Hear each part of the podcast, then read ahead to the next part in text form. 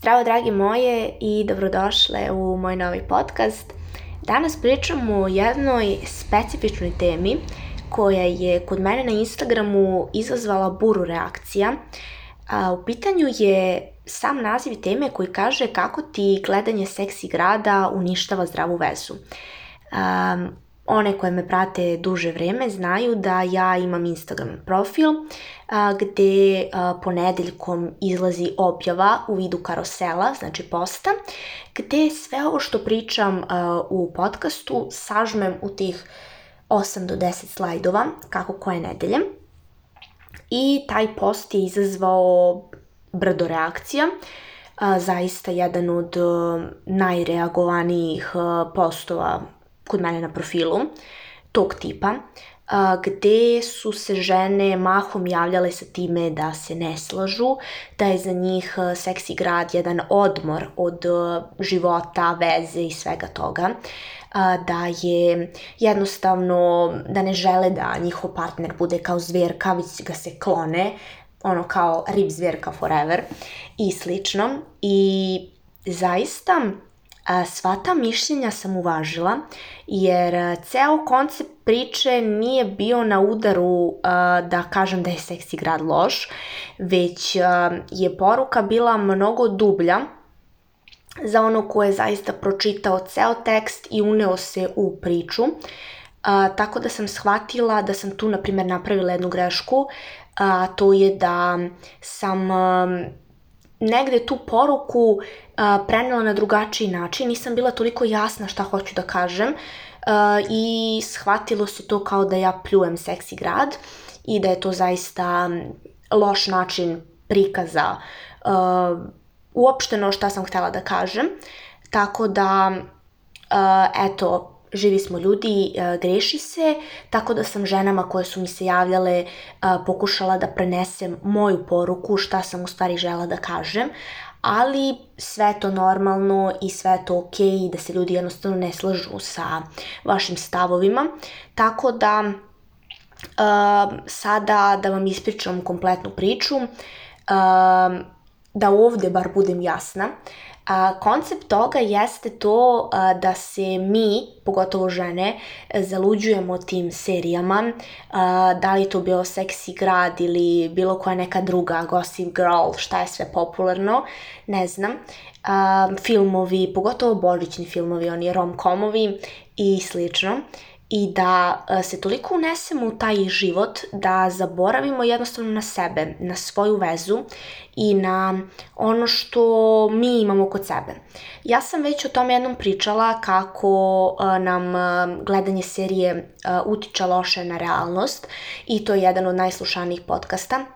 Tako da ovo je neki, da kažemo, remake koji je to pogrešno shvaćen, ali i to je ok Okay.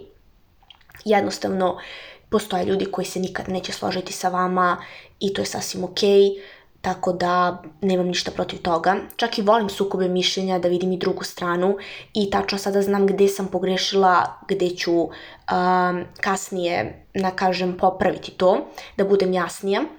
Ali da se vratim na temu, mi žene same uh, preuveličavamo to, gledamo taj savršeni svet, pogotovo su sad te moderne, da kažem, turske serije. Ja, na primjer, prošle cijele godine sam ludovala za turskim serijama, ni sama ne znam više.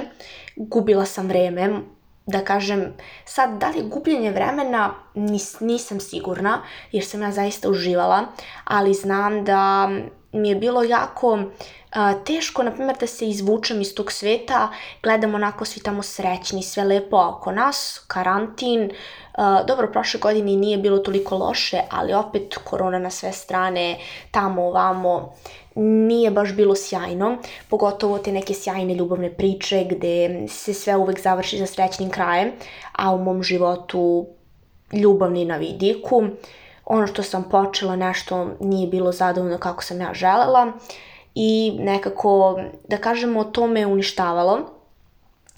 A pogotovo to što mi često znamo da upoređujemo svoje partnere sa partnerima na seriji, na filmu, u, u seriji, pardon, na filmu i tako dalje, gdje vidimo da zaista, kao što sam ja u postu rekla, naš Miloš nije zverka i jednostavno ne gledamo njega, želimo njega da napravimo nešto što on nije, umjesto da se njemu posvetimo i rješimo svoje probleme.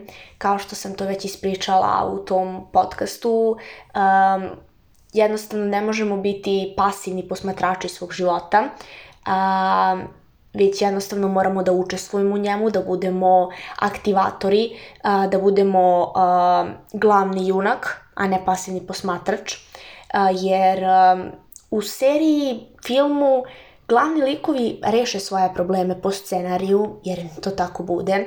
Čak i da se desi neka nesreća, neko ubistvo na kraju, ipak ta osoba nekim čudom oživi. Ali u stvarnom životu se to ne desi. Čak i kada ti kažeš ćao ja odo, ta osoba te neće stići na aerodromu i reći ej ne idi, već jednostavno će reći ok, idi slobodno i to je to. To je cijela priča.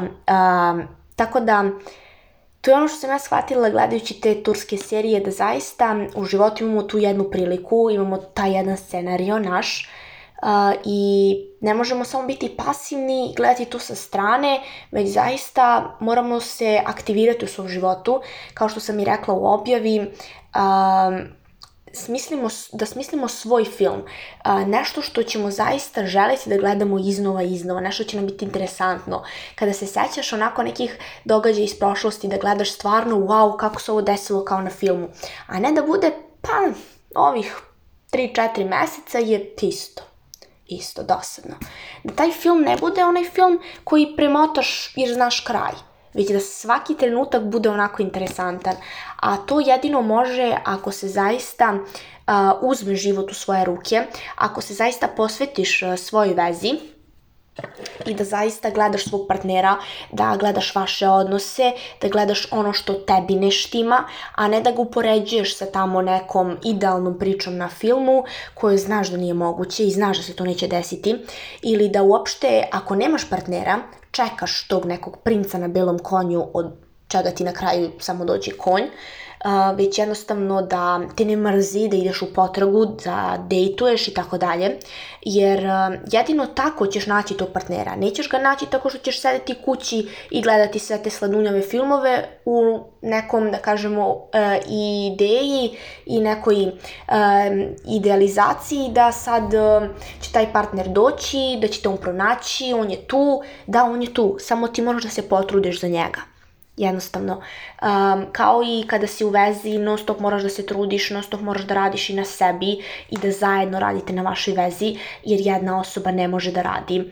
To sam ja shvatila kroz moju toksičnu vezu o kojoj sam već puno i puno pričala i jednostavno jedna osoba ne čini vezu jer mi nismo, um, da kažemo, um, jedna veza se drži 100% i svaka osoba treba da da svojih 100%. E, ne mogu da dam 50% i moj partner da 50% i to je to. Ne, svako kad da po 100% dobijemo jednu kompletnu vezu. E, trenutno imam jednu jako zdravu vezu jer stalno radim na njoj. Stalno se i ja i moj partner fokusiramo na to da sve to bude onako zdravo da uvijek rešimo komunikaciju. Konstantno smo u tom odnosu. Ne gledam dalje, ne upoređujem svoju vezu sa vezom na filmu, sa vezom svoje najbolje prijateljice, najboljih prijatelja i slično. Ili kao što mi se jedna devojka javila u komentaru gdje je sve više, a, da kažemo, mladih upoređuje svoje veze sa zadrugom, to također ne, jer jednostavno to nema smisla, to nije prava ljubav tu nema ni lje od ljubavi. Tako da, glavna poruka cijele ove priče koja je, da kažemo, došla do nesporazuma, jeste to da zaista Ehm, fokusiraš se na sebe, na svoj život, na svog dečka, na svoju vezu, na svoju porodicu eh, i ne upoređuješ svoj život sa nečim na filmu, sa nečim na, u seriji i tako dalje. Ehm, da, naravno, trebaš imati neku svoju ideju, neku svoju vizualizaciju kakav bi svoj život žela da, kakav bi život žela da živiš i naravno upoređuješ sa tim nekada, ali ehm, da konstantno budeš prisutno u svom životu, da ne budeš pasivni posmatrač, da čekaš da se nešto desi, već da budeš zaista osoba od akcije koja će da juri, koja će da skače, da sve to uzima, da grli i da jednostavno... Um, Čula si za izreku koja kaže sreća prati hrabre. E to je istina. Najhrabriji čovek je onaj koji kaže dosta, neću više ovako, ide dalje. Sve je moguće ako ti veroš da je moguće. To je jedan moj moto koji um, zaista onako držim non stop, stalno ga ponavljam. To je jedna istina u koju bi žela da svi vi verujete koji me pratite. Znači sve je moguće ako ti veruješ da je moguće. Nije bitno da li ja verujem da je, tvo, da je moguće tvoje moguće, bitno je da ti veruješ da je tvoje moguće moguće. Nadam se da si razumela i nadam se da si sada shvatila pravu poentu ako me slušaš sa Instagrama. Tako da ovo je jedna, da kažemo, interesantna priča.